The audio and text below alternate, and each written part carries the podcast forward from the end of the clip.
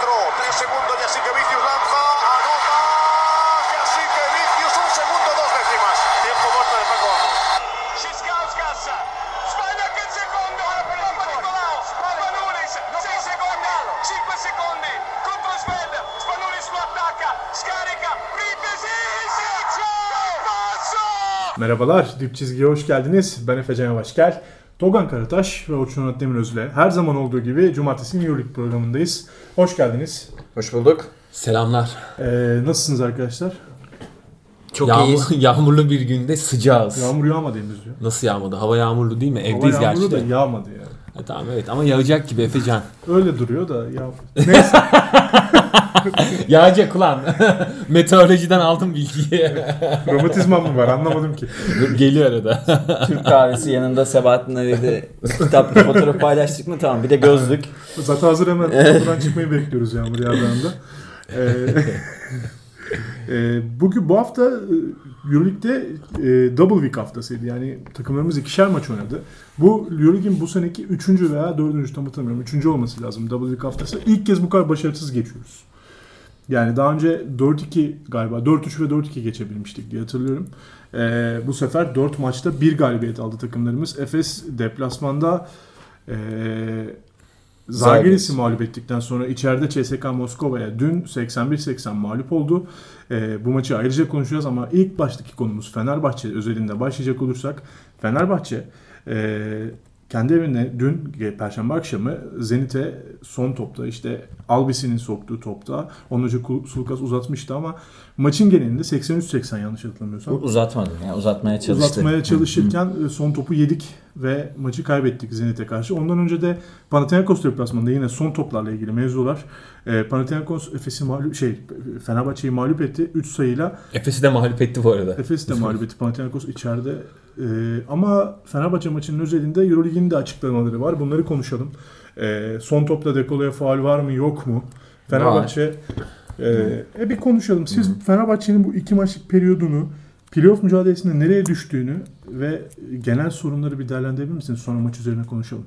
Ben mi alayım? Tamam. Buyur Togan. Ee, ya Panathinaikos maçında Dekolo'nun pozisyonu faal. Yani orada çok e, bence çok da tartışacak bir şey yok. O pozisyon faal. Hani De- Dekolo elini falan soktu diyorlar da. Yalnız şöyle bir şey var. E, Westerman biraz e, şapkadan tavşan çıkarmasaydı o- Evet, bence sonuç- biraz Obradoviç'in de beklentisinin üstünde oynadı o sekansı. İki faktör var bence. Evet. Bir Kalates'in faul problemine girmesi. iki e, bu tabii ki de Fenerbahçe'nin lehine bir şey. İki Westerman'ın evet şapkadan takması. Kayates yalnız sürekli faul problemine girmeye başladı. Böyle bir durum var. Ee, ya galiba asıl sorun şu. Mesela Zenit maçında da Pau maçında da aynı şey oldu. Maçı kopartma noktasına gelince e, yani hücumda iyi iş yaptığında guardlar özellikle savunmada patlıyorlar. Mesela Zenit maçında da aynı şey oldu. Sulkas şutu soktu. Albisi'ye kaçırdı. Daha doğrusu orada yardım savunmasını tamamen unuttu ve bomboş şut yedi. Panathinaikos maçında biz şeyi söylemiştik zaten. Panathinaikos yani favori çıkıyor maça. Seyircisiz oynandı bu arada. Biraz çirkin bir maçtı. Panathinaikos taraftarının ım, taşkınlıkları yüzünden. 2020'de Ee, hala seyircisiz maç mı oynanır ama. ya? Lehimize oldu sonuçta. Evet yani maçı kazandıracak evet. noktaya getirdi Fenerbahçe ama bu sezon e, maç sonunda e, clutch'ı hiç oynayamıyor Fenerbahçe. Ya da crunch'ı. Şey söyleyeyim hani Nesle crunch'ı aldıktan sonra clutch crunch oldu ya Euroleague de öyle geçiyor. Zalgiris maçı böyle gitmişti. E, Pau maçı gitti. E, Zenit maçı gitti. Bu kaybetme alışkanlığı gibi bir şeye doğru gidiyor Fenerbahçe için. Bu çok iyi bir gösterge değil. Çünkü takımda herkesin her parçanın aynı anda iyi oynadığı bir maç ben hatırlamıyorum. Siz hatırlıyor musunuz?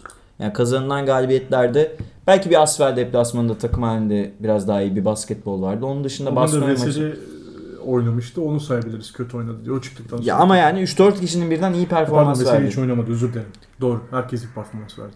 Mesela e, ben Sulukas'la ilgili bir şey söylemek istiyorum. E, arada böyle tartışıyoruz insanlarla. Yani Sulukas Arkadaşlar Sulukas çok yani iyi bir guard. Yarı sahada sizi sorun çözebilecek bir guard. E, istatistikler üretiyor. Asisti var. Skoru var. Çok iyi bir orta mesafesi şutu var özellikle. Yani Euroleague'in en iyi orta mesafecilerinden biri. Ee, yani CJ McCollum seviyesinde orta mesafe şut çıkartabiliyor. Bunlar tamam ama bir hala savunma sorunu var. İki yani Sulukas attığı kadarını yediriyor ya. Yani bunu söyleyeyim. Yani savunma sorunu var. Sadece yardım savunması falan değil. Birebir savunma sorunu da var Sulukas'ın. Mesela Albisi ile ilgili bir örnek vereyim. Direkt birebir savunması için. Albisi maça gelene kadar Fransa milli takımından izledik. Kötü bir şutör aslında o. Tepe şutu var sadece birazcık. Ama yani şey yüzdesiz yani. Yüzdesiz. Airball falan attığında şaşır. %25 de atıyordu Fenerbahçe maçına kadar. 44'te 11 atmıştı. Yani bir guard için çok düşük bir oran. Evet. 6'da Altıda 4 dört. attı. Altıda 6'da 4 dört attı. Ee, ya Başka da sayısı yok zaten. Evet yani Plaza'nın her sene Obradovic'e karşı böyle bir tane antin kuntin tuhaf bir galibiyeti oluyor. Malaga'da falan da Malaga vardı. deplasmanında falan da Tamam var. da yani yani bu şey Plaza'da seviyor Obradovic maçlarını. Efes'i de denk getiriyordu bu arada. Getir, getiriyor. Yani Obradovic'le ilgili şeylere sonra geçeyim. Ben oyunla ilgili gördüğüm e, sorunu söyleyeyim. Mesela geçen hafta konuşmuştuk. Bu takımın artı eksideki en iyi oyuncusu Melih mi olacak? Yani Datome 3 maçın birinde iyi oynayacak. Sulukas top oynamak istediğinde hiç savunma yapmayacak. Westerman hiç oynamayacak uzun süre. Sonra Pau deplasmanında maçı çevirecek. Sonra Zenit maçında yine öyle bir performans söz konusu değil. Ee, ciddi sorunları devam ediyor. Artık Fenerbahçe'nin sorunları yapısallaştı, köksa- kökleşti diyebiliriz. Bu koç ilişkisi de yavaş yavaş kopmaya başlıyor gibi bir görüntü var. Ve şu an playoff'un tam olarak 3 galibiyet gerisine düştü Fenerbahçe. Ve hani bunu söylemek durumundayız arkadaşlar. Biraz gerçekçi olmak durumundayız. Playoff imkansız değil elbette. Matematiksel olarak şans devam ediyor ama e, bayağı düşük şu an Fenerbahçe'nin. Bu görüntüyle, bu mental durumla, sahadaki vücut diliyle Fenerbahçe'nin playoff şansı pek e, görünmüyor gibi şu an için. Reaksiyon, mesela Obradovic şey dedi. Çok üzgünüm, reaksiyon göstermemiz lazım. Hani çok zor bir durumdayız. Ne Beni bilmiyorum. anlamışsınızdır dedi. Yani herkes acaba istifa mı edecek? Ben istifa edeceğini sanmıyorum da. Daha önemli bir şey söyledi. Evet. Yani hepimizin düşünmesi gerekiyor. Düşünmesi gerekiyor dedi Düşünmesi maçtan sonra. şeyler var dedi. Evet. Çok zor bir durum. Hepimiz düşünmemiz gerekiyor. Reaksiyon göster. İyi de bu reaksiyon meselesini Obradovic haftalardır söylüyor. Ben saha içinde iki maçı ayrı ayrı tek tek analiz etmedim. Yani çok uzun sürer bir. Bence iki, Durum böyle. iki maçı zaten ayrı ayrı analiz etmeyelim. Genelden gidelim. Genelden gidelim Orçun. Sana döneyim o zaman. Ee, bu maç özelinde şeyi soracağım Orçun sana. Lo- Loven'in Kalin için ciddi skor katkısı verdiğini gördük Fenerbahçe'de. Özellikle maçın başından son çeyreğe kadar yani 3. Ve çeyreğin savunma. sonuna kadar Savunma. savunmada da Hı hı. e, ben Loven'i o kadar öne koymasam da Kalinic kendi seviyesine yakın bir savunma yaptı. Ee, ne düşünüyorsun? Bu kadar skor katkısı alıp ana parçaların çift taneliği görememesi, sadece Sulukas'ın oyuncusu yatabilmesi. Ya Fenerbahçe skor dağılımı hakkında ne düşünüyorsun? Zenit maçı özelinde. Ee, onun dışında genel problemi nasıl Öncelikle şunu söyleyeyim. Zenit mağlubiyetinin bir kere izahı yok. Yani açıklaması yok. Ve bu mağlubiyet bence tabuta çakılan son çiviydi. Yani bu sezon için. Bitti mi diyorsun? E, bu saatten sonra ben e, Fenerbahçe'nin toparlanıp playoff yapabileceğini düşünmüyorum işin açıkçası. Çünkü e, Toga'nın da dediği gibi çok ciddi kronikleşmiş artık böyle hani e, özgüvene kadar e, oyuncuları etkileyen bir durum var. Yani Derik mesela potanın dibinden son saniyede hatırlayın o bitiremedi yani o kaçırdığı bir pozisyon var böyle akıllara zarar yani. O yüzden e, şu an eller kollar birbirine girmiş durumda. Koç da ara açık. E, Loven ve Kalinic meselesine de oradan bağlayacak olursam şimdi şöyle bir şey var. Skor dağılımından önce bir önce savunmaya gelmek istiyorum. Şimdi Fenerbahçe her maçta e, yüksek show up'la başlayıp e, tepede çok baskılı oynamaya çalışıyor ve hani rakibini orada boğmaya çalışıyor. Ama e, bu üçüncü çeyreklerde yaşanılan düşüşün temel sebebi bu. Yani elinizde Yani Veseli sendromu diyebilir miyiz? buna? Tabii ki diyebiliriz. Çünkü elinizde bunu kaldırabilecek, bunu yapabilecek, düzenli şekilde, sürekli şekilde yapabilecek bir personel yok. Sen Lovern'in uzunun uzun yani lo- uzun Lovern'ken sürekli yarı sahaya kadar show up yapıp oradan e, geriye dönmesini bekleyemezsin. Yani Fenerbahçe'nin bir kere çok ciddi bir e, savunma kurgusu sorunu var. Yani ikinci pasta çözülüyorlar. Şimdi bu işin zaten savunma zafiyeti yani Sulukas, Nando, Lovern üçlüsüyle aynı anda e, yüksek şekilde, yüksek seviyede bir savunma yapmak mümkün değil. Kalinic'e katılıyorum orada. Kalinic gene bireysel olarak e, elinden geleni yapıyor. Ama şimdi bu işin e, hücum tarafına dönünce ya Fenerbahçe bir kere zaten DNA olarak, kimlik olarak aslında oyun enerjisini hep savunmadan alan bir takımdı. Hücumda da o e, doğru e, possession üzerinden oynayan bir takım. Ama bu, bu sezon Nando'nun da takıma eklenmesiyle daha bireyselliğin öne. Derin eklenmesi. Daha bireysel oynamaya çalışıyorlar. Evet e, şu an mesela Paint üzerinden son birkaç maçtır Lovern'i kullanmaya çalışan bir Fenerbahçe var. Yani o e, back picklerle falan hani Lovern'i orada beslemeye çalışıyorlar. Lovern'in alçak posta oyununu kullanmaya çalışıyorlar ama e, Lovern de bir yere kadar yani Lovern e, benim beklediğimin bunu söylemem lazım. Çok altında bir performans gösteriyor. Bence Fenerbahçe kariyeri şu an gerçekten e, kötü gidiyor Lovern'in. E, Lovern'in de ileriye yönelik çok e, kurtarıcı olabileceğini düşünmüyorum açıkçası. Ama o da ya onun da kafası karışık durumda. O da tam olarak profil olarak oturabilmiş değil. Fenerbahçe sisteminde kendini bulabilmiş durumda değil. Yani ne oynayacağını şaşırmış durumda. Bir soru sormak istiyorum. Şimdi e, şaşırmış dedin ya. Mesela Obradovic'in sistemde in- inatçı olması. Yani Lovern'in temel vasfı nedir? Fenerbahçe transfer olduğunda ne demiştik rebound. biz? Rebound yani Euroleague'in rebound kralı olmuş. Bu arada iyi bir bunu soyunma odası. cevaplayabilirim. Sana Ya- da söyleyeyim yani zaten soruyorum. İyi bir reboundçı, Partizan'ın kaptanının kaptanına kadar yükselmiş, iyi bir profesyonel. Ee, ama mesela şey vasfı var mı? Switch. Yani guard savunabilir Evet, mi? bunları yapabilecek öyle bir ay- ayak çabukluğu falan O zaman yok böyle bir böyle bir vasfı yoksa, böyle bir meziyet söz konusu değilse niye aynı şeyde ısrar ediyoruz?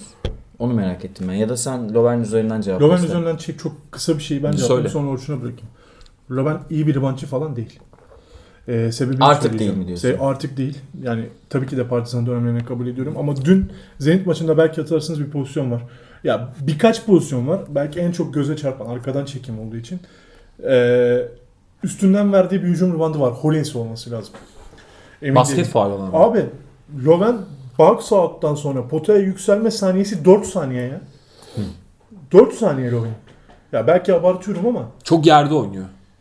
koyduğu zaman kalçayı box out'ta potaya bakmıyor bile. Top geldikten sonra topa bakıyor, toptan sonra sıçramaya çalışıyor. O fiziksel kabiliyetini kaybetmiş durumda Löwen. Hücumda iyi işler yapıyor olabilir. O da yanıltıcı bu arada. Fiziksel açıdan çok şey değil yani. Hazır da görünmüyor. iyi de görünmüyor. Löwen'in ben birçok şeyini hatırlamıyorum. Çok zor debelenerek koşuyor geriye bazen yani. Ki box outlarda yükselmesi de ciddi bence Fenerbahçe'de. Şu an Ahmet'in bile çok daha iyi bu refleksi. Ahmet hücumda ne kadar kötü oynasa da. e, belki savunmada da yine. Şovaplar Ahmet'i çıkarmak nedir? Orası da ayrı bir Ben onu soruyorum zaten. Hani niye e, show up şeyi neden? Valla ben başka bir şey deneyeceksem Ahmet'le Löwen'i aynı anda Ben- çok uzun süre oynatırdım ya. Yani Alamıyorum. Rebound alamıyorum ya.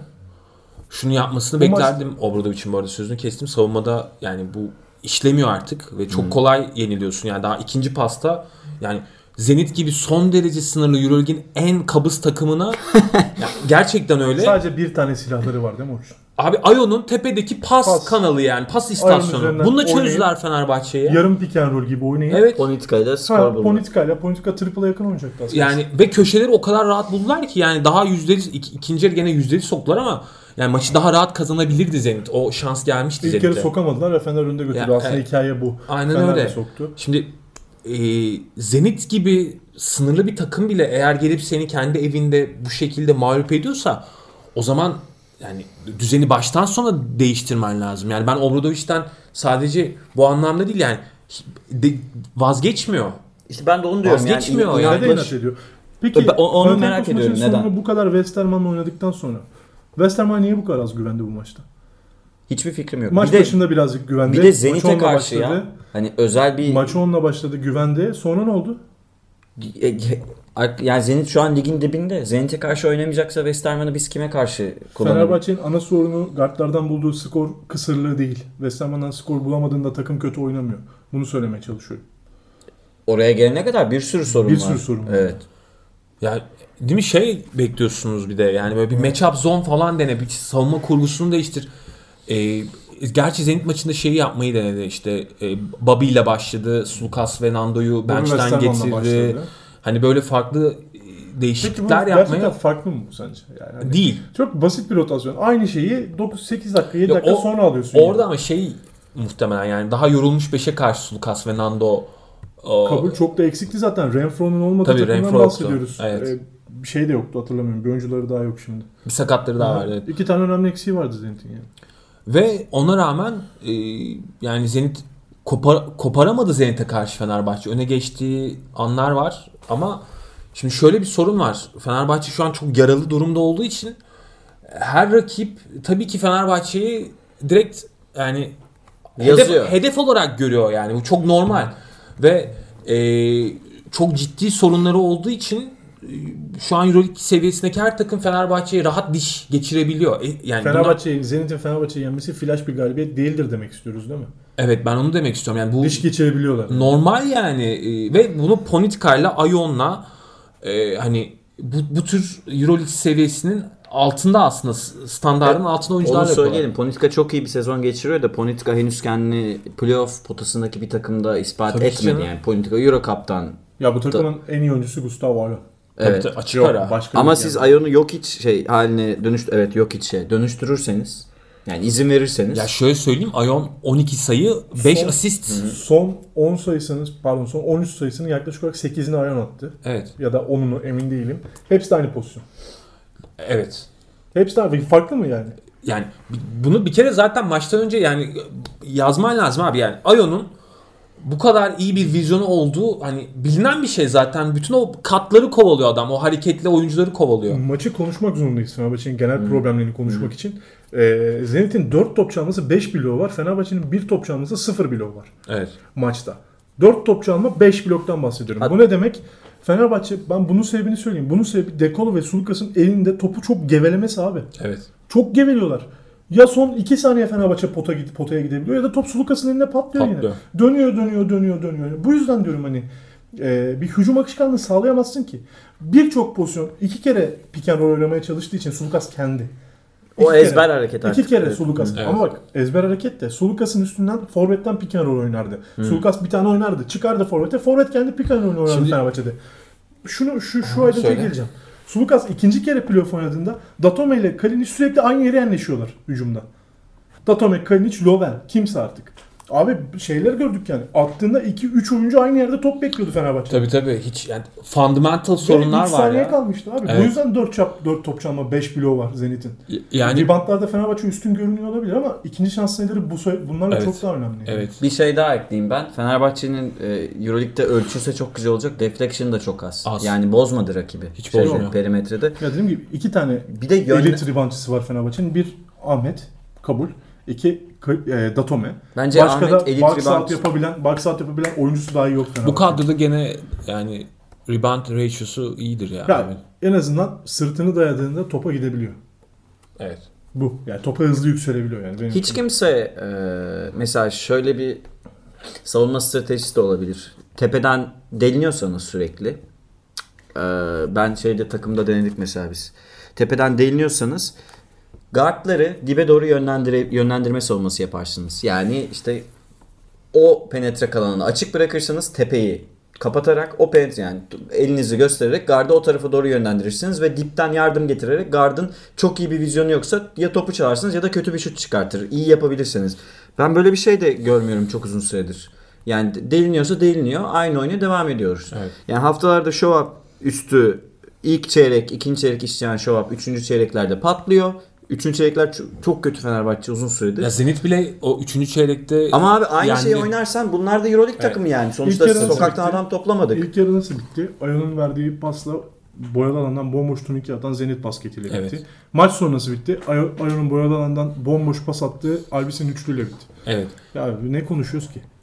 Yani bir, Obra'nın takımlarında hiç görmeye alışkın olmadığımız gerçekten Basitlik ya. Temel sorunlar var yani. Yani daha demin dedin ya 3 oyuncu üst, üst üste biniyor. Ya bu çok basit bir spacing. Ve bu hani Obra'nın en çok Obradovic'in en çok Tamam dikkat da bunun ettiği şey. sebebi guardların çok fazla böyle to- elinde topu gevelemesi. İlk başta yerleşse bile Acaba takım, gerçekten öyle mi Efecan ilk başta ya? takım yerleşse bile 17 saniye sonra bir şekilde üste biniyor takım. Tamam ama yani Tabii Sulukas, konsantrasyon kaybediyorlar onu yani söylüyorum. Sulukas 6 yıldır bu takımda abi yani neticede hani Obradovic dün transfer etmedi ki Sulukas'ı. Sulukas 5 yıldır aynı oyunu oynuyor. Top her zaman onun elindeydi. Yani bu sezon ne oldu da e, bu şekilde o kurgu oluşmadı, oturmadı. Bunu bence bir sorgulamak gerekiyor yani. Artı şunu da kabul etmemiz lazım. Tamam Veseli falan sakat da abi yani kadro kimse kusura bakmasın da bu kadronun hakkı bu değil yani. Bu kadronun şu an en azından X8'in içerisinde olması gerekiyor yani. Hani Nando'suyla, Sulkas'ıyla, Datomesi'yle, Kalinic'iyle hani gene iyi bir kadro. En azından temel parçalarıyla iş yapabilecek bir kadro. Yani tamam hadi ilk tepedeki takımların hiçbirini yenemedin. İlk altıdaki yenemedin de sondaki Zenit'e de kendi evinde maç kaybetme yani. Sadece- Zalgiris'e içeride maç kaybetme yani. Sadece Kimki yendi tepeden Fenerbahçe. O da 7. sırada. Pi- Sadece. Kimki yendi. Bayern Münih bir takım. Tepeden. tepeden. Bayern Tepe, aşağıda. Bayern aşağıda. Yani tepe takımlarından sadece Yani o Bayern. yüzden kimse kusura bakmasın Kim ki? yani. Hani bu bu benim e, modern EuroLeague açısından Fenerbahçe'nin bütçe performans açısından bakıyorum. Kadro kalitesi açısından bakıyorum. E, modern EuroLeague'in en fiyasko sezonlarından birisini geçiriyor Fenerbahçe. En Doğru. büyük en büyük hayal kırıklarından biri yani. Eyvallah. O zaman Fenerbahçe dosyasını e, şeye bağlayalım. Ha, Obradovic'le ilgili evet, oraya mevzulara bağlayalım.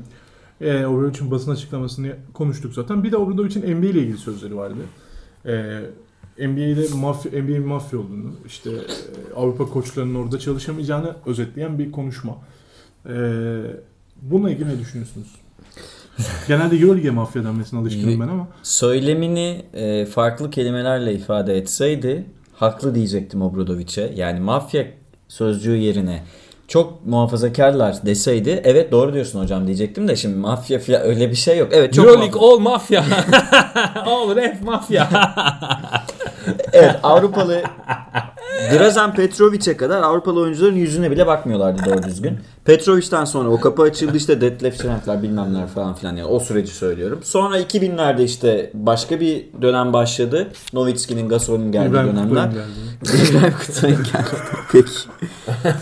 yani şimdi mesela artık Euroleague'in Euroleague takımı olmayan e, takımlardan biri ilk turdan draftlar yapılabiliyor. Çünkü artık Avrupa'yı izliyor. Bütün takımların Avrupa scout'u var. Her takımın. izliyorlar. İşte Sevilla'dan Porzingis seçiliyor. Yunan 2. liginden Antetokounmpo seçiliyor. Jokic seçiliyor filan. Spurs ABA liginden oyuncu seçiyor. Bu tamam. Yani bu ama bakın 30-40 yılda oldu bu. Bu gelenekleri 30-40 yılda kırdılar. İkincisi e, koç kıyına gelelim. Evet yani Kokoşkov ilk defa hani Avrupalı doğumlu olarak hani gerçekten Brad gibi değil. Bilet gibi değil. Gerçekten Avrupalı diyebileceğimiz ilk koç Kokoşkov'du. Kovuldu. Kabul ediyorum. Bu açıdan gelenekseller ve mesela çok uzun süre Henüz Messi'ne kapıyı açan olmadı mesela. Yani. Messine'ye bence teklif vardı. Charlotte'a gitme ihtimali vardı Messine'ye de Ama başka demek yok ben Messi'ne kabul Yok bence Messina Avrupa'ya dönmek istedi. Yok ben gitmediği sürece bunu böyle kabul edeceğim. Hani Peki, Messi'ne tamam. o şansı vermediler. gibi. Ama bu olay sadece Avrupa koçların süper olmasıyla e, ve şeylerin e, muhafazakar olmasıyla mı ilgili? Kaç tane muhafazakar olduklarını düşünüyoruz. düşünüyorum mafya olduklarını düşünmüyorum. Kaç tane Euroleague koçu şu an 18 takımın kaçının koçu en kötü takımlardan Cleveland'ı çalıştırabilir? Chicago'yu çalıştırabilir. Ka- kaç tane? Bir şey söyleyeyim mi? Pavlos çalıştırabilir mi? Çalıştırabiliri geç. Asistan koçluk yapamaz. Bak asistan koçluk yapamaz. Elit E, seviyesi sorun, hariç. sorunu buradan Teknik değerlendiriyoruz. yeterlilik olarak Obradovic'i yazabilirsiniz. Messina'yı yazabilirsiniz. Ben Ergin Hoca'yı da yazıyorum. Pitino'yu yazabilirsiniz. Ama bu bu, bu koçların İşte başka Avrupalı değil oğlum. Euroleague, Pitino diyor bana ya. Euroleague takımlarında ama başka sorunları var değil mi? Mesela oyuncu yönetmek gibi. Şimdi Cleveland bench'inde Kevin Love'a küfür edildi. Ne olacak? Depresyonda zaten çocuk. Yok o hoca Fuck you gider. Kevin Love denildi mesela. Hoca gider. Hoca gider. Chicago bench'inde Zach Lavine'e küfür edildi. Portland bench'inde All of you. Lillard'a, Lillard'a küfür edildi. Shame on you. Shame on you? Zach Lavine. Tamam sizce ne olur? Ya bunları zaten ama Obradovic'in şey açıklamalarını da hatırlıyorum yani. Ben her- herkese nerede nasıl davranacağımı bilirim gibisinden de bir açıklaması var NBA ile ilgili. Hani tek sebep bu değil. Ben burada çok Ben sadece Obradovic böyle yapar demiyorum ki. Avrupalı yok, koçlar böyle yapıyor. Bu bahsettiğimiz küfür olayı Obradovic üzerinden döndüğü için açıklamak Yok ben gene kaldım yani. bütün Yugoslav koçları Bütün. Yugoslav koçları Yani bu de öyleydi. Ivkovic de dünya kadar laf sayardı. Pesic de sayıyor. Oktay Mahmur diye. Oktay Hoca da sayıyor evet. Biliyorum ben hatta şeyde şahit de oldum Oktay Hoca'nın sayıp sövdüğüne biliyorum. Ama yani hem teknik yeterlilik hem yıldız yönetimi diye bir şey var değil mi? Avrupa'da koçların bir kısmı hala kendini tanrı olarak görüyor. O devir bitti. Öyle bir şey yok. O yüzden yani hoca şey deseydi muhafazakarlar, geleneksel düşünüyorlar ve yeniliğe bu anlamda açık değiller deseydi evet hocam diyecektim ama ma- mafya falan değil şimdi yani. Öyle öyle bir şey yok. Dünyanın Bir şey en dışı söyleyeceğim. açık organizasyonu NBA ya. Bir şey söyleyeceğim. Bu konuda yani ben de fikirlerimi be- beyan edeceğim ama. Et bakalım. Ee, teşekkür ederim. Rica ederim. Elimde de kalem var. Aynen. T- trollüğü bir yana bırakacak olursam ee, ya biraz bence o Obradovic'in İngilizce e, siyle de alakalı ya Togan. Hani Yugoslavların ben Ivkovic'ten de hatırlıyoruz. Bu anlamda yani hani çok kendilerini İngilizce iyi ifade edebildiklerini düşünmüyorum. Yani o belki de orada mafya demek istemedi yani. Ne demek istedi abi? Muhafazakar Ka- demek kapalılar demek istedi belki de. Konservatif dersin abi ya. Çok böyle bilinmeyen teknik bir kelime değil ki bu ya. Tamam biliyorum everybody Ya. rebound diyordu Ivkovic sürekli. yani biliyorum ben de biliyorum bunları. Yugoslav koçları öyle. yani farkındayım. Avrupa'da İngilizce bilen koç sayısı az Çok zaten. az. Çok az. Tamam da yani Ergin Hoca en iyilerinden birisi bu arada. kim müthiş değil Ergin Değil. Hoca'nın. O da Euroleague reklamında konuşamıyor yani öyle düşün. Kim konuşabiliyor? ya kim konuşabiliyor? En azından idare edenler var. Itudis konuşuyor. Deniyorlar Sa- Şaras yani. çok iyi. Şaras, Sarısını iyi. Şaras çok iyi. Yaskevicius'i. Tamam. Şaras bayağı iyi. Ya işin Tamam diyelim öyle. Tamam. şakası bir yana e, ya bu konuda ben e, biraz haklı olduğunu düşünüyorum kapalılar evet ama bu yani sonuçta ortada bir müthiş cevher var da onu görmüyorlar gibi bir durum da yok yani şimdi evet Obradovic e, elit seviye bir koç. Avrupa'nın en Ortada bir büyüğü. cevher var bence bu arada. Kim var? Ya Obradovic'in cevher olduğunu düşünüyorum. Tabii ki canım. Ya Adamın setlerini ondan alıyorlar. bahsetmiyorum yani. Obradovic'e zaten zamanında teklif geldi Detroit'ten. Joe Dumars teklifi var. Bunu biliyoruz zaten. Ondan bahsetmiyorum yani şey. e, birkaç koç haricinde Avrupa'da gerçekten e, çok yüksek seviyede koçluk yapabilen e, koç yok. Yani bu bariz havuz dar bir havuz ve buradan hani işte Blatt'i e, kenara ayıracak olursak ki Blatt gene New York'tan teklif Burada aldı. Kokoşkoğlu yıllarını orada eğitim alarak geçirdi. Ha, yani onu şunu söyleyeceğim. Şu an mesela bak Kolej mezunu diyebiliriz Bak ona. şunu söyleyeceğim. Ee, Şaras'tan bahsediyoruz değil mi?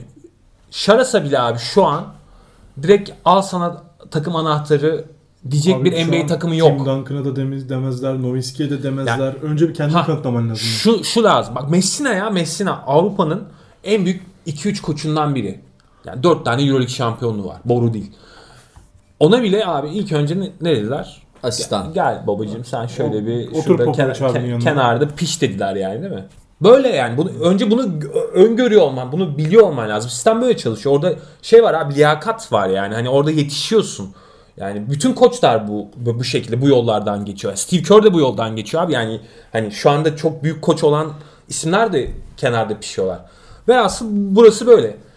Benim gelmek istediğim yer asıl başka bir yer. Yani e, ben şunu konuşmak istiyorum. Obradovic'in Fenerbahçe'deki geleceği Ha, sözleşme meselesi. ne olacak? Bunu konuşalım. Bu daha önemli bir mesele. Benim buradan gördüğüm mutsuzluğun oldu. Uzatmayacağını düşünüyorum. Obradovic taraflı Ya, mı? Obradovic taraflı burada kalmak istemeyebilir. Bilmiyorum niye ama. Destek gördüğünü düşünmüyorum çok fazla. Yönetimden. Bu, bu sorunlu durumda yani birazcık o açıdan yaklaştığımda yönetimsel açıdan veya işte ya bir kere şey de hissetmiyorum artık ya salondaki o enerjiyi de hissetmiyorum Fenerbahçe'nin. Bu önemli bir gösterendir mesela. Yani takıma sahip çıkma durumu vardı ama son zamanlarda yerini biraz hani haklı olarak eleştire şeye bıraktı. Ee, o sahiplenici, o ileri kaldırıcı, koçun elinden tutucu durum da çok geçerli değil gibi. Ya Obradovic mutsuz gibi hissediyorum arkadaşlar. Ben Ee, kendi açımdan. Ama bu iki, iki taraflı bir şey yani. Tamam. Yani Fenerbahçe sadece tarafı da mutsuz. evet, yani. Ama demek ki bazı şeylerin sonuna da gelinebilir. Bilmiyorum. Ama benim hissettiğim mesela ben Oğlum geçen, yani e, geçen Ya- gece istifa edeceğini düşünüyordum. ha. Öyle mi? Bunu yazdım zaten size de. Yavuz Çetin şarkısı gibi biliyorsun. ha. Her şey nasıl başladıysa öyle biter. Ha yok yok. Hani maçtan sonra yazdım gruba da bence bu gece istifa edebilir Obradovic diye. Ya öyle bir aç- açıklamadan sonra dedim herhalde sabah duyarız istifayı. Yani evet bayağı bir satır arasında öyle bir şey diyordu duyarız sanki. yani. E, Belki orada yönetim devreye girdi. Belki destek oldular. Bilmiyorum. Siz Sen ne düşünüyorsun? Togan Nasıl devreye girdi? FM'de çıkar ya işte hocamızın arkasındayız sonra iki hafta sonra hoca kovulur. O öyle olur. Aa, arkasındayız. Tehlikeli açıklama. Ben e, ben Obradovic'in hmm, istifa konusunu bilmiyorum. Yani sanki etmeyecek ama sezon sonu gideceğini düşünüyorum. Bu sadece huzursuzluk ve e, Fenerbahçe'den başka bir takımda çalışma isteği olabilir. Hani yeni bir e, arayışa geçmiş olabilir kendisi. Ama onun dışında e, bence Fenerbahçe'nin yakın gelecekte bütçesinde de değişiklikler olacak gibi bir sinyaller var sanki. Yani Fenerbahçe bu benim hissiyatım. Elbette bir bilgim yok içeriden. Gördüğüm kadarıyla bütçe biraz daraltılacak. Daha böyle orta yollu bir e, takımla ve belki orta yollu bir koçla e, maliyeti düşük bir takımla e, yakın gelecek kurulacakmış gibi bir e, düşüncem, hissiyatım var diyeyim, düşüncem demeyeyim. Yani bence Obradovic sene sonu gidecek ve daha böyle işte Spaya gibi böyle bir koçla anlaşıp e, Süper Yıldız kontların, kontratlarından mükem, mümkünse çıkıp Ağzından yer aslında. Abi ben ortalama bir koç dedim. Spy dedin. Ortalama işte kimse abi yani. Orhun Ene Spy'dan daha iyiydi. bak Orhun. Ene iyi koç. Bir şey demiyorum. Orhun Hoca'yı seviyoruz. Her her her podcast'te Orhun Ene'yi övüyoruz. Daha ne diyeyim yani. TBF duy bizi. Bence bütçe de daralacak. Sadece Obradovic gitmeyecek. Hani biraz iddialı olayım. Sen ne diyorsun? Ya şöyle ben bu krizin çok kötü yönetildiğini düşünüyorum Efecan ya ve Togan. Yani gerçekten ortada bir kriz var ve bunu e, görmezden gelerek o kriz yok olmuyor. Aksine daha da derinleşiyor. Yani e, burada yönetimin bence çok ciddi hataları var. E, yani bu, sonuçta Fenerbahçe'nin bu bütçeleri e, sürdürülebilir değil. Yani takımın genel olarak mali tablosu sebebiyle e, yani Son birkaç senedeki Türkiye'deki halle de ilgili tabii. e yani ekonomik krizde falan baz alınca bu, bu sürdürülebilir bir durum değil. Artı bir sermayedar e, Efes gibi falan bir sermaye grubunun takımı da değil yani sonuçta e, Fenerbahçe. Yani o ortada bir e, başkan Ama biz- var. Ama bir sermaye grubunun e, Sermaye grubu ama bir- oradan direkt bir katkı almıyor Evet. yani neticede. Bir bağış gibi bir durum söz konusu yani değil. işte şeyle sponsorlukla Sponsor falan, ama bu gibi. hani e, uzun vadede e, devam edebilecek bir şey değil. Şimdi bu işin real tarafı. E, mesele bence şu abi yani e, Obradovic'le yolların ayrılması ayrılmaması değil yani yollar herkesle ayrılır abi yani Phil Jackson'la da yollar ayrılır tamam mı yani Petrali'yle de yollar ayrılır mesele o değil onu nasıl yaptın önemli şimdi e, sorun şu sen oturursun abi ders açıklama yaparsın ya dersin ki biz sezon sonunda bu sezonu iyi kötü nasıl geçersek geçelim. Ama sezon sonu bütçemizi düşürmeyi düşünüyoruz. Ve hocamızla da sezon sonunda anlaşabilirsek devam edeceğiz ya da anlaşamazsak yollarımızı ayıracağız. Dersin. Hem taraftarı bu anlamda bir gazını alırsın, rahatlatırsın, bir açıklama yaparsın. Hem hocaya önünde yani nasıl bir yol izleyeceğine dair düşünecek zaman bırakırsın. Hem de kendini bir süre koruma altına alırsın. Şimdi sen hiçbir şey söylemeyince, hiçbir açıklama yapmayınca, dut yemiş biri gibi durunca e, o zaman hem taraftar huzursuz, hem oyuncular huzursuz, hem koç bu tarafta ne yapacağını bilmez, sahip çıkan yok falan. E, ortalık karışık yani. Biraz da bundan bahsettim. Kaos var Fenerbahçe'de. Ciddi Basketbol bir kaos var ve hani e, ya şu da bir gerçek şimdi e, Obradovic yani bunu kabul edelim. Gönül bağı varsa bir kulüple dünya üzerinde o Panathinaikos'tur abi. Bu böyle yani. Bu böyle 13 yıl çalıştı ve hani orada adamın Atina'da meyhanesi var falan filan yani. Ve Obradovic bir kulüpte kalsaydı eğer, bak kalsaydı eğer Panathinaikos'ta kalırdı abi yani. Bütçe düşürüldüğü halde yani Yunanistan ligi de bu buralardan geçti. Yunan takımları da o mega bütçelerden şu anda nerelerdeler işte yani düştü. Obradovic orada bile kalmadı. Şimdi Fenerbahçe'de de kalmayacak muhtemelen. Sen eğer ona hani biz üçte bir kesintiye uğratıyoruz falan dersen işte 30 milyonlardan 12-13 milyonlara falan iniyoruz dersen Obradovic orada kalmaz. Üçte bir mi oldu bu? Pardon, yani yarı, yarı, yarı yarıya diyelim. Yarı yarıya diyelim. Orada kalmaz tabii ki. Yani kalmamakta da haklı bu arada. CV'si ve kariyeri dolayısıyla. Ama e, ortada ciddi bir kriz var ve bu kriz çok kötü yönetiliyor. E, ben burada e, basketbol şubesinin çok kötü iş çıkardığını düşünüyorum. E, Katılıyorum. yani böyle yönetilmez abi. Yani gerçekten kriz yönetimi denilen şey böyle olmaz yani. O yüzden e, ben de sezon sonu ayrılacağını düşünüyorum. Şimdiki yönetim yani genel Fenerbahçe kulübü yönetimiyle Obradovic ve Gerardino üzerinde bir bağ kurulamaması da bir ihtimal. Kurulamamış olabilir yani. Önceki yönetimle belki daha iyiydi işler. Ya bu da bir sebeplerden bir tanesi olabilir. Tam bütçe aynı kalabilir de bir destek konusu tam öyle olmuyor. Şimdi bir de Fenerbahçe güncel dönemde daha çok ilgilenebildiği e, başka sporlar da var. Futbol mesela bu sene çok daha... Ya neyse bu bir neden değil ama Yalnız şöyle bir homurdanmalar yatırım, olacak. bir yatırım yapılacaksa oraya yapar şu an Fenerbahçe yönetimi. Çünkü taraftar kitlesinin birçoğu futbol branşına İşte o, o yönden bir homurdanma çıkacak. Basketbola 30 harcıyoruz, futbola transfer yapamıyoruz filan diye bir homurdanmalar çıkabilir. Ya keşke böyle düşünülmese. Bu nefret Yok. ettiğim bir düşünce. Evet a- ya ben Türkiye gerçeğini söyledim. Yani e, beklentim bu yönde olduğu için Öyle bunu işte söyledim. Beşiktaş ve Galatasaray yatırabiliyor mu böyle bir şey? Yatıramıyor. Ya, ya. Doğrusu bu diye söylemedim. Ha, yatıramıyor yani. Yani, Bu- ya, yatırırsa diğer taraf Ama patlak verecek. burada taraftar refleksi de yapmamak lazım. Yani böyle hani Obradovic'e sözleşme, Obradovic'e sözleşme. Ya Obradovic şu an ben sözleşme istediğini düşünmüyorum abi takım bu haldeyken. Konuşulmadan olmaz abi. Konuşsunlar Yani bir yani. e, takımın ne yöne gideceği belli değilken hani Obradovic'e sözleşme de bence bir çıkış yolu değil yani. Çünkü ortada ciddi bir kriz var yani. Ya güncel dönemde ben yönetimin de çok iyi işler yaptığını düşünmüyorum zaten Fenerbahçe yönetiminin. O yüzden hani bu Ya- konuda da çok güvenmiyorum. Bu arada şunu da söylemem lazım. Taraftar refleksi gösterebilir yani Fenerbahçe yönetimi. Şunu da söylemem lazım. Bunu Panathinaikos döneminde de görmüştük. Obradovic'in e, yani kendisini e, bir yere taşıyan oyunculara bazen fazla vefa e, duygusuna düştüğüne inanıyorum. E, yani bu anlamda ben- bence mesela Bobby'ye emeklilik sözleşmesi falan çok büyük hatalardı bunlar. Yani Fenerbahçe sezonu öncesinde Ben hala Veseli sakatlığındayım ya. Tamam Bobby'nin çok yük olduğunu düşünüyorum kontratın. Bunu geçen hafta konuştuk. Sulukasında. hepsi abi. Ya bol kesiden dağıtılan Veseli'nin yani sakatlık durumunda nasıl sözleşme uzadı? Yani Lovern keza yani. Gerçi Lovern'in sözleşmesi bu yıl bitiyor. Evet bu yıl bitiyor. Zaten 1 artı 1'di galiba. Evet yani konuşulacak çok şey var. O zaman burayı bırakalım. Daha sonra yine zaten Evet. karşımıza çıkacak gibi duruyor bu konu. Uzun uzun konuşuruz. Ee, programımızı bu hafta bir galibiyet alan, bir de mağlubiyet alan Efes'e kaydırıyoruz. Deplasmanda kazandı Efes. Ee, Zalgiris'i mağlup etti. Evet. Buyurun hocam. Yok Zalgiris'i mağlup etti. Ben sen söylüyorsun. Hayır şuraya Yankunan Sertaç yazmışsın ya.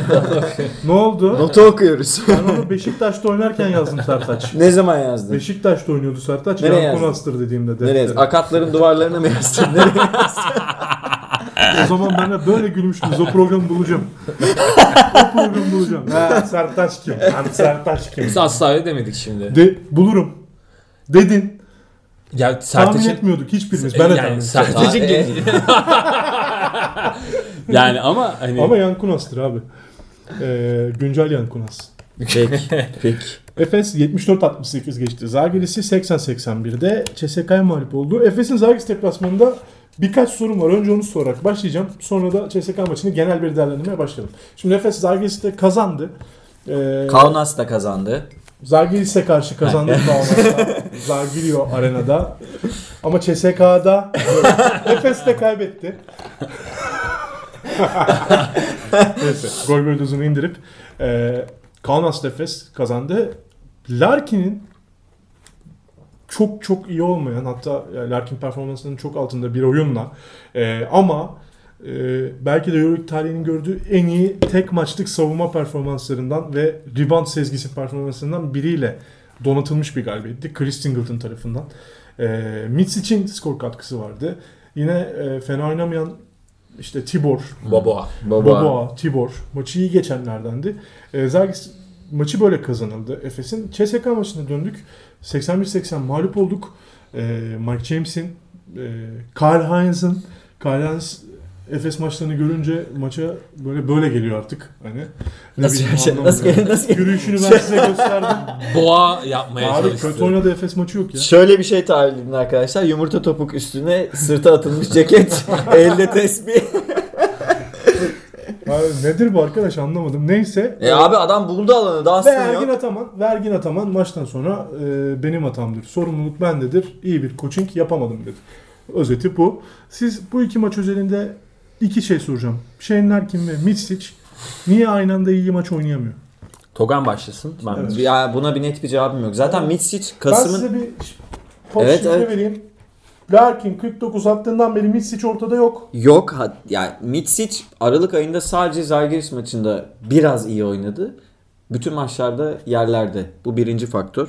Larkin'in zaten yani iki maçtır çok net bir skor katkısı vesaire yok. Yani şey CSK maçında var ama yani verimlilik anlamında yok. Larkin maçı artı eksi de eksi de bitirdi CSK maçında. Yani Mitsic bence muhtemelen hem e, mental olarak e, savaş veriyor şu an kendiyle. Şutu girmeyince ritim bulamıyor ve pas üstünden de bir şeyler yaratamıyor. İkincisi Dünya Kupası yorgunluğu da çıkıyor olabilir. E tabi. Yani bunu da e, eklemek istiyorum. Yani şimdi Zalgiris maçında şeyi söyleyeyim. Yani Yasikevicius çalışmış ama e, maça başladı. Sabahtan akşama kadar pick and roll oynayan bir takım olduğu için Efes pick and roll'e yenilmez dedim ben yani. Sadece pick and roll ile Efes'i yenemezsiniz. İlk mola aldı hemen değiştirdi taktiği. Hemen şeyden e, Madrid tarzı bir perde üstü çift screenli kat üzerinden bir şeyler bulmaya çalıştı. Kaçan adamları. Ya ama yani Landale'den skor falan buldu da Zalgiris bence o maçta yenebilecek durumda değildi Efes'i. Yani Seviye farkı var. abi. Seviye farkı var. Hani Efes'in eksiği var. Guardlar çok iyi durumda değil. Mitsic mesela iyi ama en iyi Mitsic değil. Volkap şut atamadığında Göksen'in Köksal. Volkap ne zaman şut atabiliyor? Yani Yani Volkap'ın kaç tane şut- iyi şut maçı var? Yani Volkap ve Dekavicius yani eşleşecek oyuncular değiller. Ha Landale'den şut buldular. Şeyin Tibor'un çıkamamasını şey yaparak Ben ama maç planını beğendim bu arada. beğendim ama mesela Landale'nin dakikalarını bence doğru ayarlamadı Eskevicius. Evet. Neyse Ergin Hoca orayı geçti bir şekilde. Bir tek Peters biraz sorunluydu o maçta. CSK maçı ya CSK maçında şöyle bir sorun var. Ee, CSK çok uzun bir takım yani. Forvet'te ve pivotta e, Efes'e ağır basmasını bekliyordum ben. Biraz öyle oldu. Ee, bir kere çok rahat switch edebiliyorlar. İki e, Efes bir tane soru da var bize. Onu söyleyeceğim Efes'le ilgili. Onu hatta size sorayım. Siz yanıtlarsınız. Üçüncü çeyrekler üzerinde. Ee, perimetrede delemeyince Mitsic ona önlem alınmış çünkü. Yani iyi kapattılar. Hackett'la falan orayı iyi kapattılar. CS Itudis uzatınca takımı. Özellikle Antonov çok bastı Efes'e. Gerçekten bastı yani. Antonov'a ezildi biraz takım. E, Kyle Hines gibi de bir faktör var zaten. E, bir de Mike James'in yanan eli buldular. Mike James sokuyor. sonları iyi oynamış. Ee, çok iyi oynadı sonları. Ama bu sezon hep iyi oynuyor. Ya Efes skoru aldı ama bence Ergin Hoca e, o kadar kötü maç yönetmedi bu arada. Yani ilk çeyreğin sonunda momentumu geri almak için yaptığı doğuş hamlesini beğendim. Ee, ara ara durdurmaya çalıştı. Yani rotasyonlarına yanıt verdi Itudis'in. Sadece maç sonunda skor elinde olmasına rağmen oyunu alamadığı için yani e, ikidir A planı tutmuyor Itudis'e. Yani Efes CSK uzun süredir maç kazanamıyor zaten bu arada onu söyleyelim. Bu istatistiği de vermiş olalım. Finalde de tutmadı A planı. Hackett, Clyburn ve Higgins basmıştı.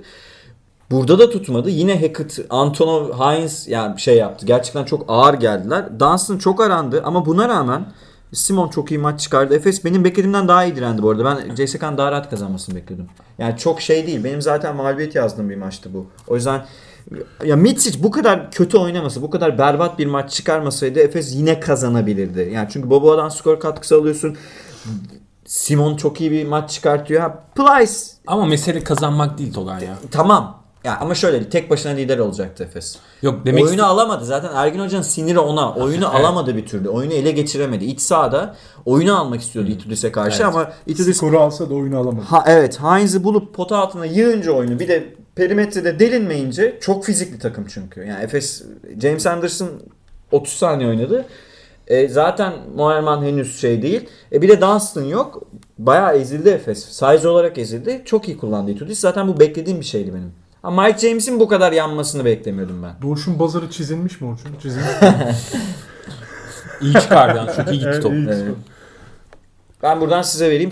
Hatta soruyu da e, siz konuşurken soruya bakın. Bir Ya tane soru ben var. şuradan alayım. Ee, ya ben CSK'nın zaten bu sezonki kadro planlamasını beğeniyorum yani. Hani e, Itudis'in yapmaya çalıştığını e, sezon başında konuştuk bunu yani. Hani başka bir yapıya geçti ve bu yapıda e, forvetlerin ve uzunların önemi çok daha fazla. Yani her şeyi switch edebiliyorlar. Aslında şöyle söyleyeyim.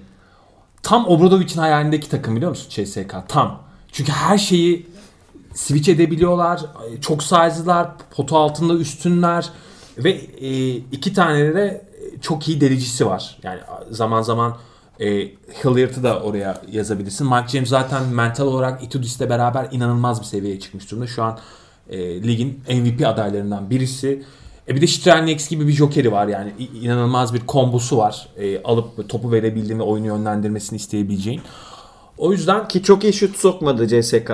James Sokmadı, evet. haricinde Efes daha yüzdeli. Şeye baktınız değil mi? Rebound farkına baktınız. yani 10-11'lik bir orada net bir fark var. Ee, şimdi şöyle Efes'in evet işleyen bir düzeni var. Ama ya elit seviyedeki takımlar işte bunu e, Milan maçında da gördük. E, Obradovic de yapmaya çalıştı ama e, takım şu anda o seviyede olmadığı için yani o tür yoğun maçları oynayamayacağı oynayamadığı için yapamadı ama denedi. Keza CSK maçında da gördük. Şimdi Efes'in o işleyen düzenine çomak e, sokabilecek takımlar var. CSK onlardan birisiydi.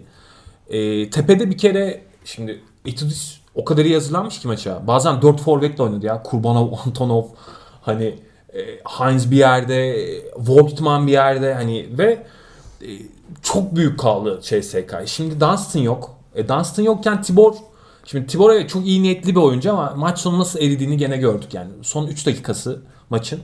Gene toplar Tibor'un böyle elinden kaymaya. Landale e, falan yok karşısında abi. e, Normal yani. Yok yani evet aynen öyle. E, velhasıl Dunstan'a ihtiyaç var diyorsunuz yani siz. Dunstan'ın bu Bir tür- şeye daha ihtiyaç vardı onu da söyleyeceğim. Dunstan bu maç bu tür maçlarda bu kadar yüksek seviye maçlarda yokluğu direkt kendini belli ediyor. Ama Dunstan olsaydı da gene e, emin değilim yani e, oyunu alabilir miydi Efes? Çünkü e, Itudis'in planı Efes'e tuttu yani. Final Four'da da bunu yapmıştı ki o zaman Clyburn vardı. E, son maçları Itudis Ergin Hoca'ya karşı kazanıyor. Yani maç planında kazanıyor ve mikro hamleler olarak kazanıyor. Bence de Ergin Hoca'nın siniri ona. Yani maçı kaybetmek değil. E, Itudis'e coaching olarak kaybetmekten yana sıkıntılı bir durum. E, o- ve velhasıl ama güzel bir maç izledik. Yani çok iyi bir basketbol karşılaşması izledik. A kalite bir maçtı. Ben çok keyif aldım maçı izlerken. E, Soru ne hocam? Ha, bitti mi? Evet soruyu alabiliriz. Benim soruyu sormadan şey söyleyeyim mi? Ee, Bir hamle daha yani bir şey daha gerekiyordu. Dunstan'da bir şey daha dediniz. Yok Dunstan evet o eksik zaten. Perimetrede delemeyince Efes Ergin Hoca'nın B planını geliştirmesi lazım. Henüz Evet. öyle bir e, elle tutulur bir net B planı yok. Evet. Yani takım akamayınca Misic'in eline ver var bir. O da olmuyor. işte Mitsic, yani. Mitsic delemeyince takım Simon'a kalıyor yani Abi- forvete kalıyor. Orada bir şey daha üretmesi lazım çünkü bu bu Final Four'da filan rakiplerin kullanacağı bir silah olacak. Kesinlikle Madrid'de öyle. yapabilir. CSK'da yapabilir. Barcelona'da yapabilir. Yani orada hangalar filan sizin karşınıza Tabii. dikildiğinde delinmezler. Dolayısıyla Ergin Hoca'nın buna da bir çözüm bulması gerekiyor. Bir de Dunstan dönerse bir şeyler tabii şey olacak. Şunu Çözülür diye tahmin söyleyeyim. ediyorum. E, mesela CSK'nın kağıt üstünde çok parlak gözükmeyen oyuncuları var. Hackett bunların başına geliyor. Kurbanov bence Euroleague'in en underrated forvetlerinden biri. Antonov keza öyle. E, Voronsevic. Say say bitmiyor forvet rotasyonu. Şimdi şöyle. Mesela Hackett dünkü maçta artı eksideki en iyi isimdi gene. Final maçını kazandıran isim de oydu. Game Artı on. changer. Aha, evet. Şunu yapıyorlar abi yani e, çok iyi önlem alıp fizik olarak e, şimdi Toga'nın dediği gibi yani seviye yükseldikçe deniz derinleştikçe şimdi senin karşına çok iyi savunmacılar gelecek abi yani hani e, Lekavicius'larla falan oynamayacaksın yani orada Hackett gidecek onun yerine Hanga gelecek o gidecek karşına Jeffrey Taylor gelecek hani bu, tür isimlerle sen sürekli e, birebir switch ederek oynamak zorunda kalacaksın. O yüzden ben kesinlikle katılıyorum. Yani sadece hani bu ver Boboa'ya birebir oynasın, Pindav setinden çıksın atsın ya da ver Misic'in eline birebir yaratsın ya da Larkin e, deliciliğini kullansın üzerinden olabilecek bir şey değil. Orada bir e, farklı e, setlerin de e, yani camı kırınız setlerine de ihtiyacı var Efes'in. ne durumda? Normal dönecek ya. Dönecek. Hani Herhalde bu hafta maç- döneceği söyleniyordu. Yok Herhalde şöyle az idman yaptığı için. evet 3 antrenman yapabilmiş sadece o yüzden oynamadı ama e, yakında dönecek ormanda. Bu reboundları biraz toparlayabilir. Toparlar. Toparlar. Soruyu e, sorayım bu arada e, sorudan önce şeyi sorayım e, söyleyeyim. E, Sanros'la ilgileniyormuş CSK. Kimle? E, Clyburn yerine Sanros. Howard olabilir. AYK'da şu an. E, Tamam. Yani ya böyle size anlamında oyuncu. uyar ama yani korktuğum kadar büyük bir transfer olmaz benim. Yok, değil. E, Mücahit, Olabilir ama. Mücahit Karakaya'nın bir sorusu var bize. e, Bana Twitter'dan yazmış sağ olsun. Efes'in 3. çeyreklerdeki hücum performansı hakkında ne düşündüğümüzü merak ediyor. Yani takım neden patlama yapıyor diye. Fenerbahçe'nin tersi bir şekilde. Yani ben şuna bağlıyorum bunu. Ee, Larkin çok diri kalıyor ikinci yarıya. Maça başlamadığı için Larkin çok diri kalıyor ve e, rak- rakibin yorgun ilk beşine karşı çok daha iyi ateş edebiliyor. İkincisi takımın e, ikinci devrede oynama alışkanlığı oluşmuş. Sene başından beri bu biraz da psikolojidir. Yani biz Efe ile bizim kent takımımız biz yıllarca 3. çeyreği oynayamadık abi. Yani oynayamıyoruz. Yapamıyoruz. Ne yapsak olmadı. Takım 3. çeyrek oynama psikolojisini de kazanmış. Öyle bir özet vereyim ben size. Siz ne diyorsunuz? Yani Efes'in 3. çeyrekte sürekli 3. CSK maçında da 19-16 önde geçti 3. çeyreği. 3. çeyrekleri kazanan bir Efes izli- izliyoruz. Buna ne diyorsunuz siz? Ya orada bence Ergin Hoca'nın sezon başından beri gerçekten yaptığı rotasyonun hakkı fazlasıyla var yani hani orada o e, sıcak isimleri o ikinci yarılarda çok iyi buluyor. İşte bu zamana kadar Plyce'ı kullanması, hani Singleton'ın takıma e, katkısı ve e- etkisi yani mesela CSK maçında da gene e, yani spacing anlamında da çok doğru şekilde katkı veriyor Singleton. O parçaların birbiriyle olan uyumu bence E, ve dakikaların e, iyi ayarlanması o ikinci yarılardaki patlamanın sebebi. Ama yani gene dönüp dolaşıp şeye geleceğiz galiba. Hani e, Efes'in şimdi bundan sonraki e, durumu ne olacak? Yani ilk 4 içinde bitirecek muhtemelen Efes ama şimdi e, F4 seviyesinde nerede olacak? Yani mesela James Anderson dedik. James Anderson'ın e, 30 saniye oynaması Efes için sorun. Yani Kron- Kronoslav evet son 3-4 maçtır acayip hareketlendi ve skor katkısı da veriyor ama şimdi Simon yaşlı bir isim ve e, A- Anderson'dan o atletizm katkısını alamayınca e, orada bir sorun oluyor bence. Efe Bey. Üçüncü çeyrek konusuna bir değineyim. Ee, üçüncü çeyrek tabii ki şey önemli. Rotasyonu diri bırakmak önemli. Buna katılıyorum. Ama daha önemli bir şey var. Takımların özgüven ve kazanma alışkanlıkları. Şimdi Fenerbahçe'de işler 3. çeyrekte tepe taklak. Efes'te 3. çeyrekler iyi. Sebebi çok abi bence çok aleni bir şey. Maçın sonunu getirebileceğine inanan takım 3. çeyreği iyi oynar. Evet. Devre arası konuşması da daha iyi geçer. Çıktığı zaman ayakları da daha sağlam basar, bilekleri de daha az titrer. Aynı şekilde tersinden düşündüğünüz zaman maç kazanma alışkanlığı berbat durumda, çok dengesiz, çok konsantrasyon uzak bir takım da ikinci yarıda devreye çıktığında eli soğuduğu faktörü bile takımın maçı kaybettirir. Evet. Yani devre arası nasıl geçiyor, motivasyon nedir? Ya bazı şeyler mesela ben sana bunu yapacağım dediğimde ikinizle konuşuyoruz, birinizle sürekli kaybediyoruz, birinizle kazanıyoruz. Sana geliyorum devre arasında bunları bunları bunları yapacağız diyorum. Kazandığımız için 3. çeyrek tam konsantrasyon oynamaya devam edebiliyorsun. Abi özgüven. O dirilikte. Özgüvenim var. Size diyorum zaten yapamayacağız psikolojisiyle yansıyorsunuz. Ya k- beyninizde bu böyle yansıyor. Çıktığınızda e, bir tane aksadığımı ikinciye el uzatmazsınız. Bence Fenerbahçe'deki sorun da bu. Üçüncü çeyrek. Fenerbahçe bütün maçı çok iyi oynamıyor ki. Üçüncü çeyrek dökülmesi biraz maç sonu alışkanlığını kaybetmesiyle ilgili. Abi iki yıl önceki Fenerbahçe'yi Ha, düşün. Yani. yani şey imajını veriyordu. Sen bizi burada yenemezsin. Yani Abi, sen bizi Çıktığın yenemezsin. anda, çıktığın anda tokatlıyorsun. Ya bu yani. psikolojik bir şey ve bu Devre yok oldu. çıkmak diye bir şey vardır basketbolda. Yani oynayan bilir bunu. Bunu Evet. Oyunun içinde kalan bilir. Devre arasından çıkıp e, yani öyle bir gazla çıkarsın ki maç başından daha gazdır onu söyleyeyim yani. Doğru. Ya maçın ne durumda olduğu 20 sayıda gerideysen daha iyi çıkarsın. Kulaklar kırmızı yanıyoruz Kulaklar falan. kırmızı. Yani Evet. öndeysen başka bir motivasyonla çıkarsın. Ama geride ol, yani her şekilde 3. çeyrek oynayan takımın özgüveni iyiyse 3. çeyreği iyi oynar. Efes'te o var. Var. Fener'de olmayan şey de bu. Yani Larkin mesela abi ke- kenara alıyor Ergin Hoca şey yapıyor hemen gidiyor. Koç neyi kötü yaptım, Tabii neyi de yanlış yaptım. Hani Yani Larkin falan diri kalıyor kabul ediyorum. Evet. Yani rotasyonu iyi kullanıyor. Ama mesela Fenerbahçe de deniyor. Sulukas'ı 9 dakika dinlendiriyor ilk yarı. İkinci, üçüncüye çıktığında Fenerbahçe yine kötü oynuyor. evet. Yani bu tam Çünkü dirilikle, düşüyor tam abi yani. dirilikle anlatılabilecek bir şey değil yani. Ve şey var Fenerbahçe abi karşıdaki rakibe şu, şu yani biz sizi yeneceğiz mesajını veremiyor ve Galiba Ergin Hoca'nın dünkü şeyi de o yüzdendi. Üçüncü çeyrekte bir şeyler yapmaya çalıştı ama e, o vurucu hamleyi yapamıyor. Yapamıyor. Yani Önde kaldı ama ya 3 3 senedir şimdi Ergin Hoca e, Obradoviç dahil, Messina dahil koçu da yenerek takımı yenmişti. Hani koça da üst oyun üstünlüğünü alarak, önde giderek diğer koçun onun hamlelerini takip etmesini sağlayarak maçı kazanmıştı. Onu bir türlü Itudis'e yapamıyor. Çok sinir olmuş durumda. Bence maç sonu açıklaması ondan. bence de sinirli. Ama bir yerde bu e, Dunstan döndükten sonra ve bir, bir, bir B plan ürettikten sonra ve bir de James Anderson eğer katkı verirse biliyorum çok şey bir anda olması gerekiyor. Üç değişkenin birlikte olması Yo. gerekiyor. He, ama bunlar olabilecek şeyler. tabii yani, canım. e, bence deplasmanda veya Final Four'da veya başka bir şekilde yani olur da playoff'ta vesaire eşleşme ihtimalinde Efes'in e, psikolojik olarak geride olacağını düşünmüyorum CSK'ya karşı. düşünmüyorum. Mağlubiyet serisine rağmen. Ayrıca e, bir şey daha hatırladım. CSK çok baskı altında çıktı bu maça. Yani e, onları baskıyı olumlu enerjiye çok dönüştürüp saçma maçlar kaybetmişlerdi çünkü. Evet. yani 9-5 mi çıktılar? Öyle bir şeydi Tabii yani. 15 oldu şu an. O 9-6 olsaydı CSK Tabii. yani işler böyle biraz sallantıya Yok girecekti. yani Tepeli de arası Evet, açılmış açılmış olacaktı. Şu an olacak. iki, ga- iki galibiyet fark var. indirdiler. Ya şeye bir ekstra katkı yapayım. Soyunma odası mezunu.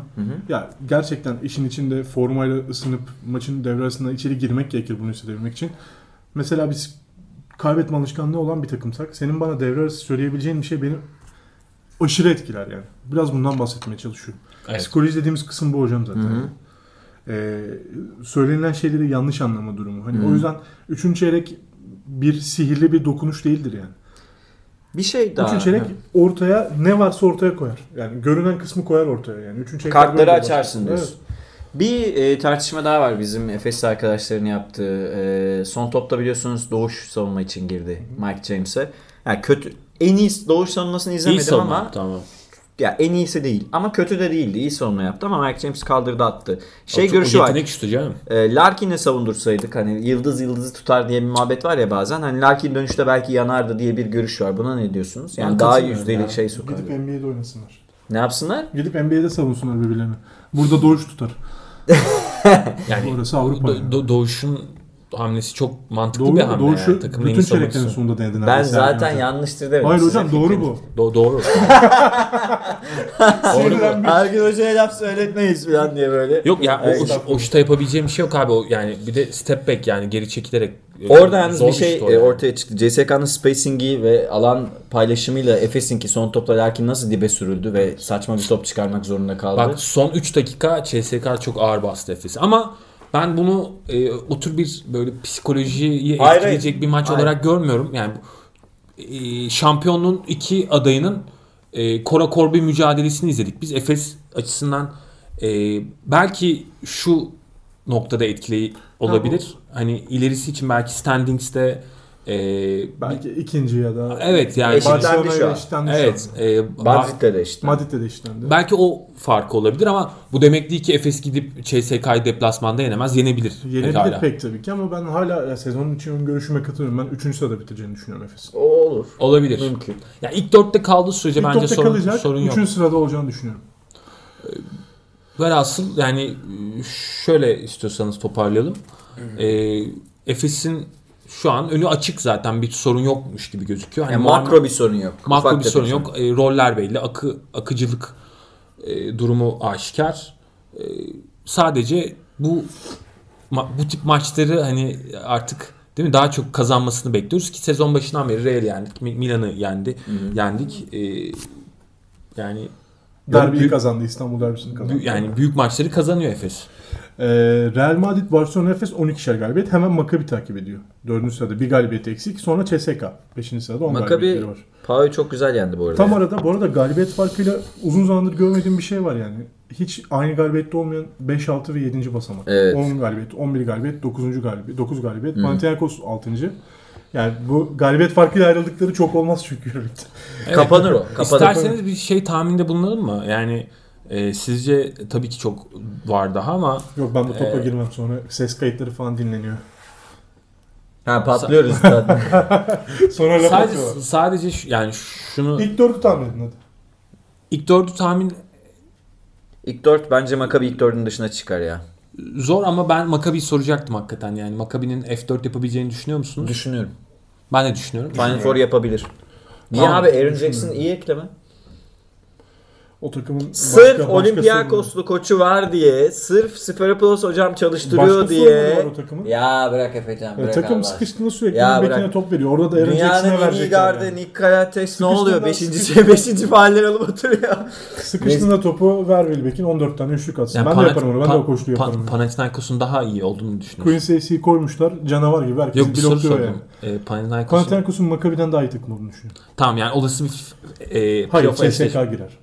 Hayır diyelim ki playoff. Maccabi eşleşti. Bence eşleşmeyecekler. imkanı yok. Zor tabii canım yani ilk dört Tamam, işte- yani- Olası bir Panathinaikos Maccabi eşleşmesini Panathinaikos geçer diyorum. Seride Panathinaikos geçer diyorum. Anladım. geçemez diyorum. E tamam Ben fikir. geçemez. Ben Geçemez. geçer. Ama zaten eşleşmeyecekler. İkisi de 4-8 arası 4-5 bitecek. bitirmedikleri sürece yani. Öyle bir ihtimal yok bence. Panathinaikos'un e, F4 yapabileceğini düşünüyor musun? CSK'nın daha yüksek o ihtimal. Aa! Panathinaikos'un daha yüksek. Panathinaikos- Yani. Panathinaikos da 5. adaydır yani.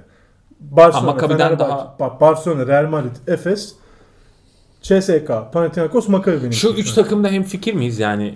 Barcelona, Real Madrid, Efes. Real Madrid ve Efes'in kesin e, F4'te, F4'te ol- olacağını düşünüyoruz. düşünüyoruz. Ya Değil şu an görünen o yani. yani. Şu an görünen o evet. Birbirleriyle eşleşmedikleri, eşleşmedikleri sürece. Ki eşleşmeyecekler bence. Yani Öyle tepede, duruyor. tepede Muhtemelen. bitirecekler. Muhtemelen. Dördüncü takımda Maccabi, CSK ve Panathinaikos'tan biri, Biri, olur. biri olur diyorsun. Yani Milan'ın da ben CSK sıralamada bence yukarıda bitirir de ama bence Sferpoulos'un playoff'ta bir şey alacak. Bir kurşun olacak. Yani seriyi uzatır, 3-2 biter, bir şey olur.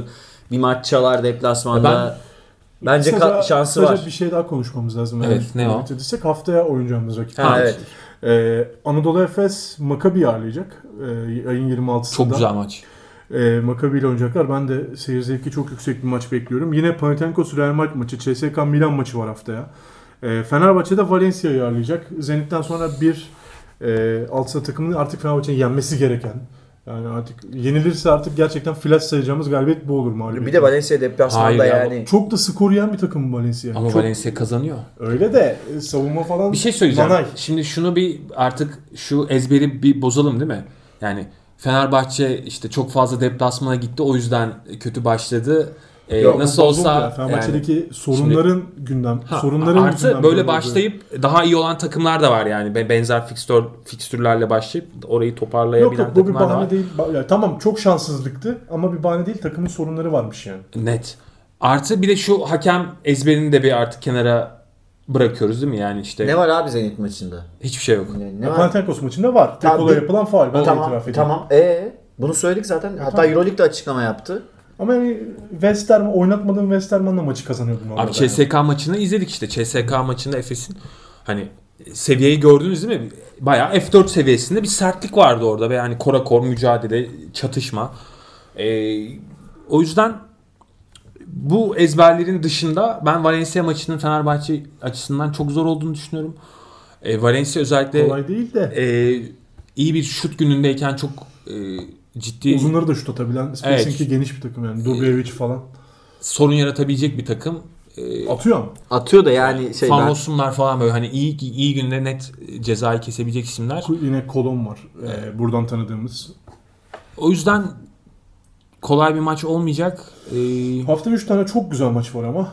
Ee, CSK Milan, Efes Maccabi, Panathinaikos Real Madrid. Üçü de Perşembe gecesi ben ikide- aynı saatte başlıyor. ben 2'de 2 yapacağımızı düşünüyorum. Makabi Makabi konusunda da ben hiç e, %50 %50 ben de görüyorum. 2'de 2 yapacağımız düşünüyorum.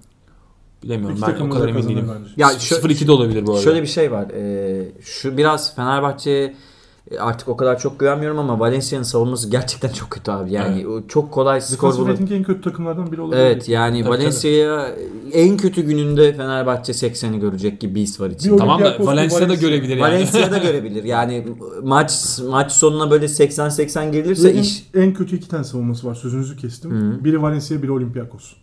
Çok Olympiakos ama son haftalarda toparladı. Yok ikisini de çok kötü oynadı bu hafta. İki maçı da çok kötü oynadı. Tamam peki. E, hocam yani yüzlerde yediler ya Tamam, içeride. şey, tamam, Kimki'den tamam. uzatmada zoraki maç aldılar. Kimki durum biraz farklı. Şivet 786 tane top kullanarak Böyle bir yüzde rate, rating olur mu ya? %40'larla top kullanıyor adam ya. %43, %44. Az bile ya. Yani. Şivet seviyesi için. Neyse %65 var mı? falan olmalı, konuşmak istediğiniz bir konu kaldı mı? yok benim e, bu haftalık notlarım bu kadar arkadaşlar. ya ben e, bu Sözünü arada kesmedim değil mi hocam? Yok, yok, yok. Tamam. Makabi maçı için de yani Orçun Sfarapuyla... 0-2 yapabiliriz dedi. Evet yani olabilir. E, ben İyi- 2-0 yapacağımızı düşünüyorum. Ben de 2-0 Ha, düşünüyorum. olabilir diyorum yani. Hani Peki Makabi'nin kaç yaparız? Olabilir boş var. 1-1 olur. 1-1 %50. %50'yi ortadan şey yapalım. Ee, Kim kaybetmeye daha yakın? Fenerbahçe mi Efes mi? Ya bilmiyorum Sfaropoulos'un e, yani çok Makabi gümbür gümbür geliyor abi. Çok yüksek Ben geliyorlar. hocamızı çok seviyorum. Ben Sfaropoulos hocamızı çok seviyorum. Bu biliyor, Efe de biliyor zaten. Ben de çok Siz seviyorum de biliyorsunuz.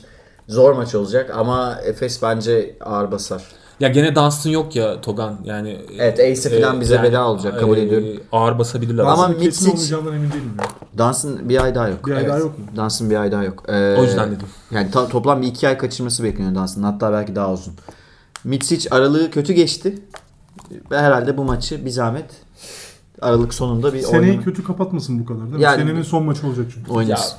Euro, Euro kötüsü. Abi zor bir süreçten geçiyor yani. O da kolay değil. Hani Dünya Kupası artı annesini kaybetti falan. Annesini kaybettiği kısmını üzgünüm ama Dünya Kupası yorgunluğu olduğunu düşünmüyorum.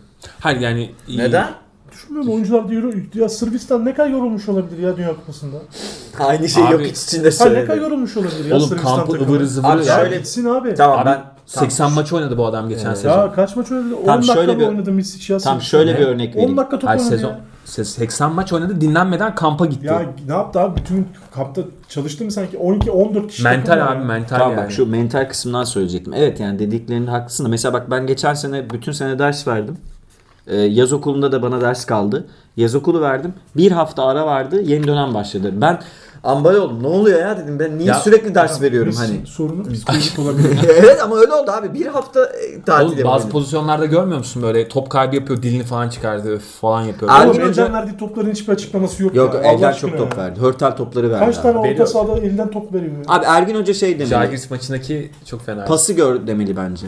E, Pası gör ya. Şöyle şey maçı içerideki en son e, pardon ya. Çok kötü oynadığı maçlar 0 Bütün sayı. maçları kötü oynuyor işte oğlum. CSK maçı kötü. Zagiris maçı birazcık iyi yani dökülüyor. Bayern'den tabii. sonraki maç neydi ya? Hatırlayan var mı? Neyse tamam. Çüş. 1978 Portland Trail Blazers'ın power forward'i kimdi Efecan ya? Timden Bill Walton'la yan yana oynayan. Timden Tim Duncan'dı. Biz bit- bitirelim bitirelim. Var mı? bitirelim biz. Ha. E, Su, su kaynatmadan daha fazla. Evet. Hemen bitirelim. E, Efes'in Hmm. Tamam. Fenerbahçe maçında çok kötü oynadı Mitsic. Onu söyleyecektim. Ee, unutmuşum. Ee, arkadaşlar bizi dinlediğiniz için teşekkür ederiz. Bu hafta Euroleague programımız bitti. Biraz kargaşa dolu bitti sonu. Bunun için Başım kusura bakmayın. Benim de öyle. Haftaya görüşürüz. 2-0 yapmak diye dileğiyle. Hoşçakalın. Hoşçakalın. İyi haftalar herkese. Euro